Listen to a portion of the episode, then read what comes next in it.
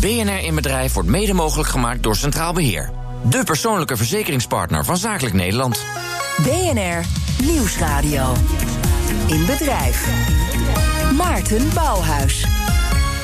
BNR in Bedrijf kijkt achter de schermen en legt het geheim van de ondernemer bloot. Deze week zijn we bij Brouwerij De Lekkere in Utrecht. Een brouwer die sinds 1997 biologisch bier maakt... en die duurzaamheid nog verder heeft doorgevoerd... toen het bedrijf vorig jaar in een nieuwe brouwerij terecht kwam. Zonnepanelen op het dak, restwarmte en restkou worden hergebruikt... en ze zijn van het gas af. De brouwerij is eigenlijk een soort energiefabriek geworden. Nou, daar ga ik uitgebreid over in gesprek met uh, Erik Odenwald... directeur van De Lekkere. Van harte welkom. Welkom. Um, wij kijken uit over de brouwerij. Ik zie heel veel grote stalen uh, ketels. Ik zie ook de brouwketels daarachter. Maar dan denk ik altijd, want ik ben wel eens vaker in een brouwerij geweest... wat zie ik eigenlijk? Uh, nou, hiervoor zien we al, al onze gist-lagertanks. We zien daar uh, tien van, van, van 6000 liter en vijf van 12.000 liter. En daar rechts in het hoekje, daar zie je twee van de, van de, brouw, van de twee ketels van de brouwinstallatie. En het wordt eerst gebrouwen en dan komt bier in een gistlagertank? Ja, dat klopt. En hoe lang moet het daar dan in zitten? Afhankelijk van het soort bier, uh, twee tot uh, zes weken. Dan wordt het uiteindelijk daaruit gehaald en dan gaat het uh, in het fust of in de fles? Ja, of, op een, of eventueel in de tankwagen. Ja. En dat hele proces is hier in Utrecht, in uh, de oude spoorwegkathedraal. Het, het oude pand waar vroeger de treinen werden onderhouden. Uh, nou, we zitten, we zitten hier in, het, in de werkspoorfabriek, dus niet de werkspoorkathedraal. Dat hoort bij elkaar, toch? Dat is één, was, één gebied was, hier in Utrecht. Het hele werkspoorgebied was, was inderdaad één, één ja, gebied voor, voor de ontwikkeling van treinen en rails. En, maar later ook bruggen en de Euromast is zelfs in de buurt hier gebrouwd. Dus, uh, gebrouwd. Ja, de Euromast gebrouwd, ja. Mooi. Uh, ja. Daar heb je dus uiteindelijk een nieuwe brouwerij ingezet. En dat is eigenlijk een soort energiefabriek. Waarom? Uh, ja, nou, we hebben hier dus het hele pand gerefurbished, zeg maar. dit oude pand uit 1914, ja, industrieel erfgoed. vonden wij wel stoer eruit zien. maar ja, we willen natuurlijk ook een beetje een moderne brouwerij zijn.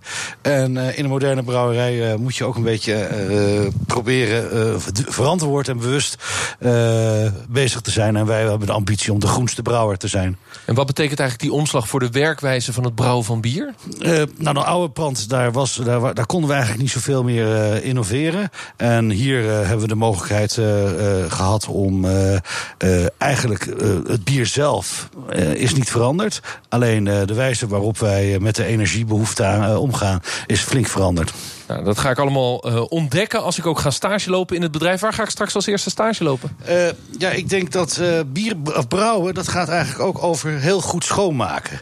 En net als iedereen moet je gewoon beginnen onderaan bij het schoonmaken. Nee, maar dat is een heel belangrijk proces. ik ken mijn plek, ik ken mijn plek. heel belangrijk proces is onze SIP-installatie. Want eigenlijk in het brouwproces gaat alles over schoonmaken. Voor en na het brouwen. Uh, en in de ketels uh, moet het allemaal heel erg schoon zijn. Alle koppelingen, alle leidingen, continu schoon. Ik begrijp het al. Ik moet aan het werk. Dus loop ik vanaf het kantoor, waar ik lekker ontspannen, warm met Erik in gesprek ben, naar beneden. Nou, je hoort het straks, de herrie komt op je af. En ik ontmoet daar tussen die herrie Gijs de Bond, de brouwerijmanager. Ja, en zoals Erik zegt, zijn baas, als je stage gaat lopen, begin je met het schoonmaakwerk. Uh, Gijs, ik sta hier naast een uh, grote, enorme tank. Die klinkt leeg. Wat, wat, wat zat erin? Ja, die hebben we vanochtend leeggemaakt. Er zat uh, trippelbier in. Dus als een tank leeg is, mag je zo snel mogelijk schoongemaakt worden natuurlijk. Oh, dat heeft Erik gezegd. Ik moet beginnen met schoonmaken. Als ik hem ga schoonmaken, hoe gaan we dat doen? dan lopen we hier eventjes naar onze schoonmaakinstallatie. Dan kan je beginnen met de tank eerst goed spoelen met koud water. En daarna ga je die tank een half uur reinigen met heet reinigingsmiddel. Dus het koude water gaat er doorheen, dan heet reinigingsmiddel. En jullie zijn daar zo goed in dat je het ook niet meer hoeft te pasteuriseren. Dus het is een belangrijk proces. Absoluut, ja. Dus na de reiniging ga je nog een keer spoelen met water. Daarna ga je desinfecteren, dus dat er echt absoluut niks meer in kan zitten. En dan is het bier klaar om afgevuld te worden. Genoeg schoongemaakt. Ik wil eens even kijken hoe dat bier wordt gemaakt. En dan sta ik met Gijs eigenlijk bij het hart van de brouwerij. Er zijn drie van die klassieke grote brouwketels die voor mij staan... met zo'n luikje wat open kan om binnen te kijken... met het prachtige logo van de Lekkere. Uh, maar hoe werkt het nou eigenlijk, Gijs? Als ik hier die geur, die echte brouwerijgeur die op mij afkomt... wat is dat nou eigenlijk voor geur? Nou, de klassieke brouwerijgeur die jij bedoelt... is denk ik de hopgeur die nu vrijkomt bij het koken van de wort. Die geur, dat is wat ik ruik. En wat gebeurt er dan in deze eerste ketel? Uh, het, het, het, wordt zeg maar, het is, water is vermengd met mout. Dat is later gefilterd. Nu zijn we aangekomen bij de kookketel. En daar wordt het wort dus gekookt. En dan voeg je hop toe. En hop geeft echt die typische smaak aan het bier. Maar tijdens het koken komt er dus heel van die geur vrij. En die ruik je nu. En dan gaat het bier van de ene ketel naar de ander? Ja, precies. Dit is eigenlijk nu de ene laatste ketel. Als het dadelijk klaar is met koken, dan gaat het naar de whirlpool. Dan kunnen we in de whirlpool de hop nog van het worst scheiden gaan we de wort koelen. En dan gaat de wort vervolgens naar een vergistingstank... waar die vergist wordt om later CO2 en alcohol te krijgen.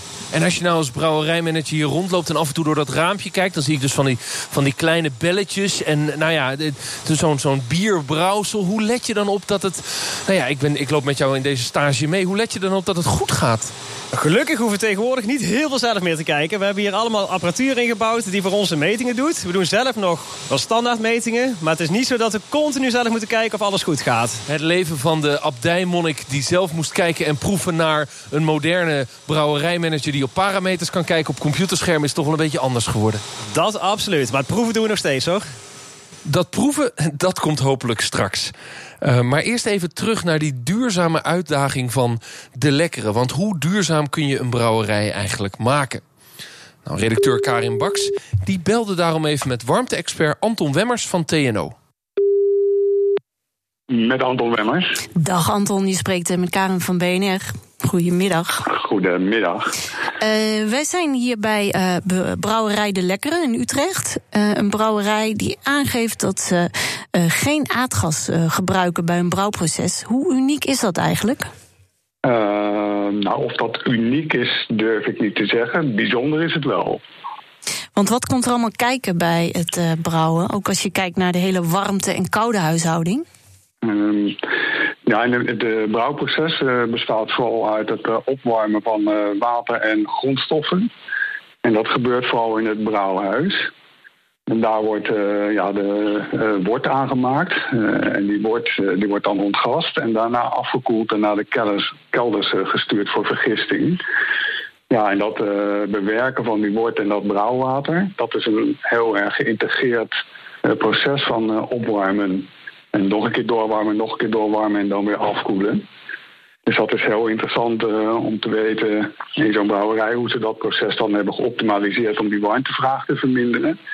En uiteindelijk blijft er wel een warmtevraag uh, over en hoe ze die dan uh, hebben ingevuld. Dat, daar zou ik wel nieuwsgierig naar zijn. Ja, inderdaad. Want wat, wat is concreet de, de vraag die wij zouden moeten stellen aan ze? Uh, ja, dat zouden er meerdere zijn, denk ik. Uh, maar de eerste vraag die ik zou stellen is: wat hebben jullie kunnen doen om de warmtebehoefte in je proces te verminderen? Want alles wat je niet hoeft toe te voeren aan warmte, hoef je ook niet op te wekken of ergens anders vandaan te halen. Uh, en de vervolgvraag erop is: hoe heb je dan uh, de warmte die je in je proces hebt zitten, hoe heb je die zo goed mogelijk herbenut en en geïntegreerd, zodat er geen warmte onnodig verloren gaat. En de laatste vraag zou toch wel zijn: de resterende warmte die je dan nog nodig hebt, maar hou je die dan vandaan? In bedrijf. Daar praat ik natuurlijk graag over door met Erik Odewald, de directeur van eh, De Lekkere. Het gaat dus over dat warmteproces. Uh, maar de vraag is natuurlijk, je hebt heel veel warmtebehoeften. Wat hebben jullie kunnen doen om die warmtebehoeften aan zich ook te verminderen eigenlijk? Uh, de behoefte wordt al een stuk minder dan in onze vorige brouwerij. Omdat wij het warmwater dat wij uit, uh, uh, na het brouwen gecreëerd hebben. Uh, door het warme wort. het voorproces voor bier is wort. En die halen wij door een platenkoeler. En dat warme water dat we dan overhouden. stoppen we in een warmwaterketel. En daar maken we weer de volgende, het volgende brouwsel van. Dat voorproces dat heet wort. Ja. Dat is wel verwarrend. Ja, ja precies. Fijn dat je het, even wordt, uitlegt. Het wordt woord. Het wordt woord. En, en kan ik dat dan ergens zien waar, waar, waar, waarvan je dus hier iets anders ziet dan in een andere brouwerij, omdat je dat warme water hergebruikt? Ik denk dat er al best wel veel, veel brouwerijen uh, gebruik maken van, uh, van het uh, opslaan van het warme water. wat interessant is natuurlijk aan een nieuwe brouwhuis en nieuwe ketels, is dat je het veel beter kan isoleren dan dat je vroeger deed. verder hebben we hier natuurlijk nog veel meer processen die, die ja, verantwoord met warmte omgaan. We hebben niet eens meer verwarming in de brouwerij. Want in de winter zorgen wij dat de koelinstallatie de warmte naar binnen de, gooit. En ook de stoomgenerator, die op elektriciteit draait bij ons, ook de warmte binnen huis houdt. Zodat we ons hele hal niet hoeven te verwarmen. Dus je hebt eigenlijk van de warmte-koude huishouding hier in toch een oud industrieel erfgoed. Ja. En we zullen de fotootjes ook op internet uh, zetten, op de LinkedIn van BNR in Bedrijf. Um, heb je een soort van perpetuum mobile gemaakt. Het, het, het runt zichzelf als het gaat over warmte en koude. Uh, inclusief de zon, ja, is het een perpetuum mobile. Ja, ja precies. waar zit dan de koude? Want ik kan me voorstellen veel warmte in een brouwproces. Maar heb je ook bewust kou nodig? Ja, wij, uh, wij, eigenlijk zie je overal die zwarte leidingen. en als je het hebt over besparing, die zijn allemaal geïsoleerd. Je ziet overal die, die dikke zwarte, ja. zwarte isolatiematerialen op elke tank. Overal langs de wand. Dat, zijn, dat, dat is eigenlijk een een, uh, ja, een heel uh, mooi isolatiesysteem voor onze uh, kou. Om dat niet te veel te laten verspillen. Als het bier klaar is, is het op een gegeven moment ook koud bier. En dan ga je het pasteuriseren. Dus dat betekent dat het bier wat niet gepasteuriseerd is... wel een beperkte houdbaarheid heeft. Ja. En dat is maar goed ook. Want uh, bieren, uh, met name de bieren die we niet pasteuriseren... ja, die moeten na een jaar toch echt wel opgedronken zijn. Oh, dat vind ik nog best lang qua houdbaarheid. Ja, is nog best lang. En ja. een biertje langer dan een jaar laten staan... zou ook niet netjes zijn naar de brouwer, toch? Dat is gewoon zonde. Ja, precies. Ja. Uh, dan, dan, dan is dat dus het warmte-koude proces. waarin je dus, omdat je dit helemaal nieuw hebt kunnen bouwen vorig jaar... dat ook helemaal from scratch hebt kunnen, in mooi Nederlands, hebt kunnen ontwerpen. Uh, en bovenop het dak, hoeveel zonnecellen liggen daar eigenlijk? Uh, zonnepanelen, 920. 920 panelen? Ja. Van 1 bij 1,5 meter? Uh, ja, ik geloof 1,35. Ja, ja, zoiets, ja. ja. Ongelooflijk veel. Kun je daar de hele brouwerij op, op draaien? Dat weten we nog niet precies. Oh. Want we wachten op de eerste cijfers daarover. Maar ik denk het wel. Dat een heel eind komen. En als we dat niet kunnen doen, dan gaan we nog meer efficiëntiemaatregelen zoeken in deze brouwerij. Om te kijken dat we dat wel kunnen doen. En dan heb je dus die zonnecellen gelegd. Je moet het nog even afwachten. Maar wat, de, wat zeiden de berekeningen toen je het aanlegt? Toen heb je wel gedacht van, hey, kan ik nou helemaal self-efficient zijn? In principe kunnen we de eerste jaren uh, zelfvoorzienend zijn. Ja. En als we harder gaan groeien, dan moeten we dat nog even aanzien. Ik wil geen onheil voorspellen, maar als de derde wereldoorlog uitbreekt... Dan zijn wij, zitten wij goed. Luister naar Boekenstein in de Wijk. Het kan zomaar gebeuren. Ja. Uh, overigens genomineerd hè, uh, voor, de, voor de radioprijzen. Maar dan zitten wij goed, want deze bierbrouwer... Kan gewoon door. Die kan gewoon door. Ja. Die, die kan, dat is toch een helemaal perpetuele mode. Het kan op zichzelf draaien. Ja. Maar het is nog wel een beetje spannend, want die afrekening moet nog komen van het energiebedrijf. Helemaal waar. Ja.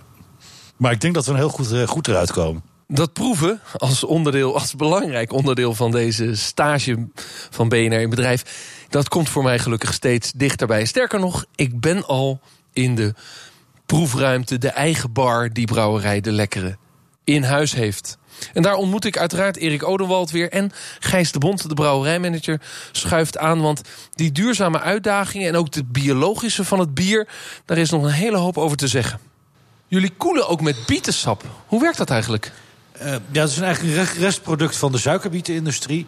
Uh, betanine heet dat, geloof ik. Hè? Ik weet het niet helemaal precies. Maar uh, dat is ter vervanging van glycol. En heeft dezelfde eigenschappen om kou goed vast te houden en te transporteren. Dus daar koelen we mee. En dat maakt het ook een biologisch bier? nee, dat heeft er niet zoveel mee te maken. Het is alleen meer uh, milieuvriendelijker dan glycol te gebruiken. Ja, dus het is wel een duurzame oplossing. Het past bij ons uh, streven om de groenste brouwerij te zijn. Ja. Die hele transitie naar de groenste brouwerij en biologische bieren maken... Uh, um, dat is ook een overgang. Zeker die duurzaamheid hier in Utrecht. Um, ging dat eigenlijk... Makkelijk. Ik bedoel, hoe, hoe, wat zijn de grootste hiccups die je tegenaan loopt als je een ander type brouwerij wil maken? Nou, voor de uitdaging is natuurlijk om alles te. Uh, überhaupt een nieuwe brouwerij bouwen is een hele grote uitdaging. Uh, om alles ook nog van het gas af te krijgen, was voor ons best wel een, uh, best een zware dobber. met met een stoom, elektrische stoomgenerator, voldoende stoom te creëren.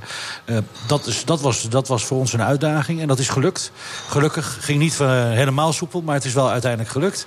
De mensen zelf uh, ja, die hebben in het DNA al erg zitten om uh, bewust bier te brouwen. biologisch bier te brouwen. met biologische grondstoffen. dus dat zit al helemaal in hun DNA. Dat, dus dat was niet zo'n moeilijke stap.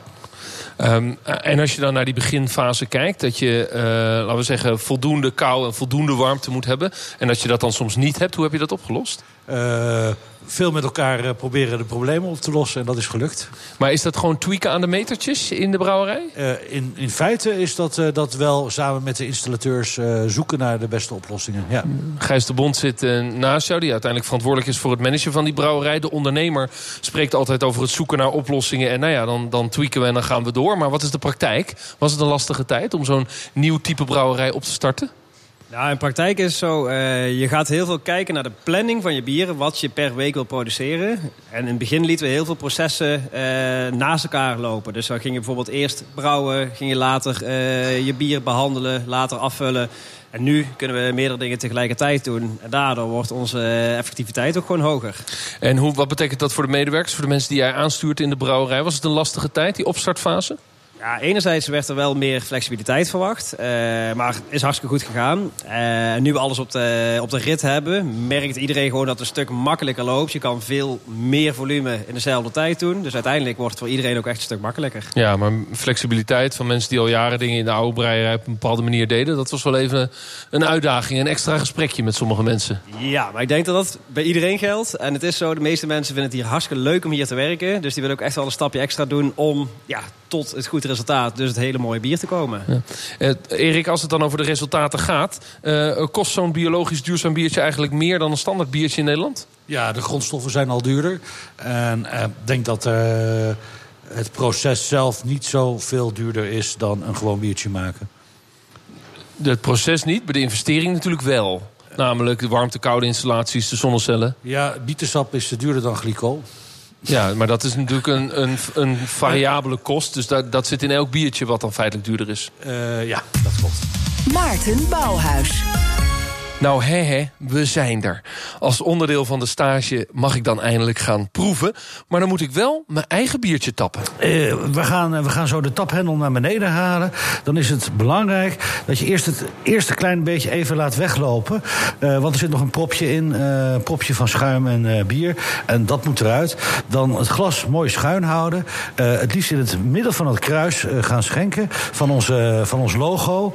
En dan tot aan het randje ongeveer dat uh, op dat uh, glas staat. En dan kan die, uh, kan die afgeschaapt worden met de spatel.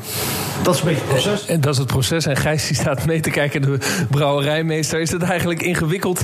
Um, laten we zeggen dat uiteindelijk het prachtige bier wat jij gemaakt hebt... dat het ook getapt wordt en dat het dan ook wel eens verkeerd wordt getapt... en dat je dat maar moet accepteren van, je, van, het liefde die, van de liefde die je gemaakt hebt eigenlijk. Absoluut. Maar daarom is het echt van belang dat iedereen die ons bier tapt... echt goed weet hoe dat ze moeten tappen. In één keer opengooien. Eerst het propje eruit en dan het glas er dus onder. Daar gaan we. Open, propje eruit. Schuin op het kruis. Door, door, door, door, door. En dicht. In één keer dichtklappen leerde ik altijd op de studentenvereniging. En dan, wanneer mag ik hem dan afstrijken? Direct? Nu. Hij is perfect. Het is echt perfect. Zo hoort het. Je bent geslaagd. Oh, lang genoeg gestudeerd. Sociëteitvereniging gedraaid. Nou, hij is net iets... Is dat ook nog twee vingers? Geldt dat nog steeds? Uh, jouw vingers lukt net niet. uh, Gijs, ben je trots op me? Ik ben heel erg trots op jou, absoluut. Ja. Proost, jongens. Proost. Proost. Lekker. Ja, een biertje, zelfs in de ochtend. Het is dry January. Uh, dat is toch wel een grote trend aan het worden. Dus gelukkig is er ook alcoholarm bier, Gijs. Dat maak jij ook. Wat is alcoholarm? Is niet alcoholvrij? Nee, het uh, alcoholarme bier is uh, bier met heel weinig alcohol. Er zit geen 0,0% alcohol in, maar in ons geval is het 0,5% alcohol. En hoe heet jullie prachtige 0,5% biertje? Het is gewoon de lekkere 0,5% IPA. Nou, die wil ik proeven. Kun je hem voor mij openmaken, Erik? Zeker. En daar gaat het flesje open. Schenken we hem in.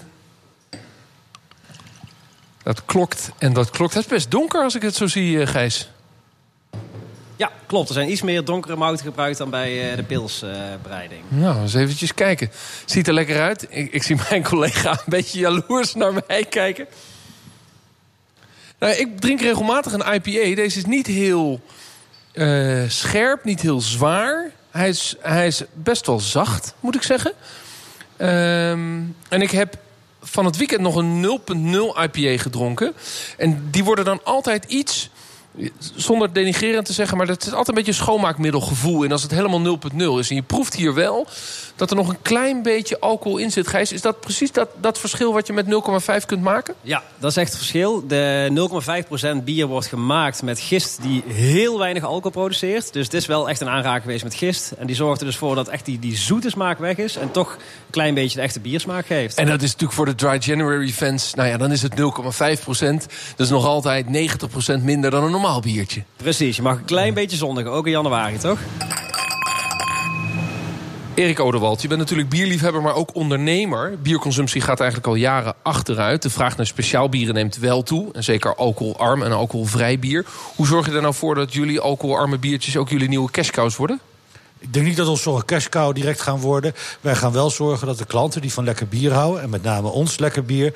hele mooie alcoholarme en vrije producten krijgen. Ja, tegelijkertijd op dat alcoholvrij bier heb ik gelezen... zit meer marge, omdat er geen accijns op zit. Is best interessant. Klopt, uh, de bruto marge is iets hoger... maar de productieproces uh, voor alcoholarme en vrije bieren... is ook wat, uh, wat zwaarder. Of is het voor een Duurlijk. bierliefhebber ook moeilijk... dat alcoholvrij zo groot aan het worden is? Nee, dat maakt niet zoveel uit. Ik uh, heb er begrip voor. Uh, want we willen allemaal verantwoord uh, leven, toch? Ja, en wat is de ondernemersdroom met, ondernemersdroom met de Lekker over vijf jaar? onze missie is Nederland van lekker bier voorzien. En daar gaan we hard aan werken. Ik heb veel geleerd hier in de brouwerij in Utrecht. In ieder geval geleerd dat uh, hoe groot je ook wordt, uh, of hoe klein je ook blijft, je in ieder geval een duurzame en biologische brouwerij kunt maken, kunt neerzetten. Een grote investering kunt doen. Uh, en toch tegelijkertijd een hele gezonde business case, kunt, business, case kunt draaien op lekker bier. Want lekker was het. Zeg ik als journalistiek onafhankelijk presentator. Ze smaakte heerlijk. dit was BNR in Bedrijf voor deze week. Volgende week reizen we af naar Houten. Ik ga stage lopen bij installatiebedrijf Inventum. Een bedrijf dat al 30 jaar warmtepompen maakt. En nu ineens de vraag flink ziet stijgen. Precies in een tijd dat het bijna onmogelijk is om technisch personeel te vinden. Hoe ze dat oplossen, hoor je dus volgende week.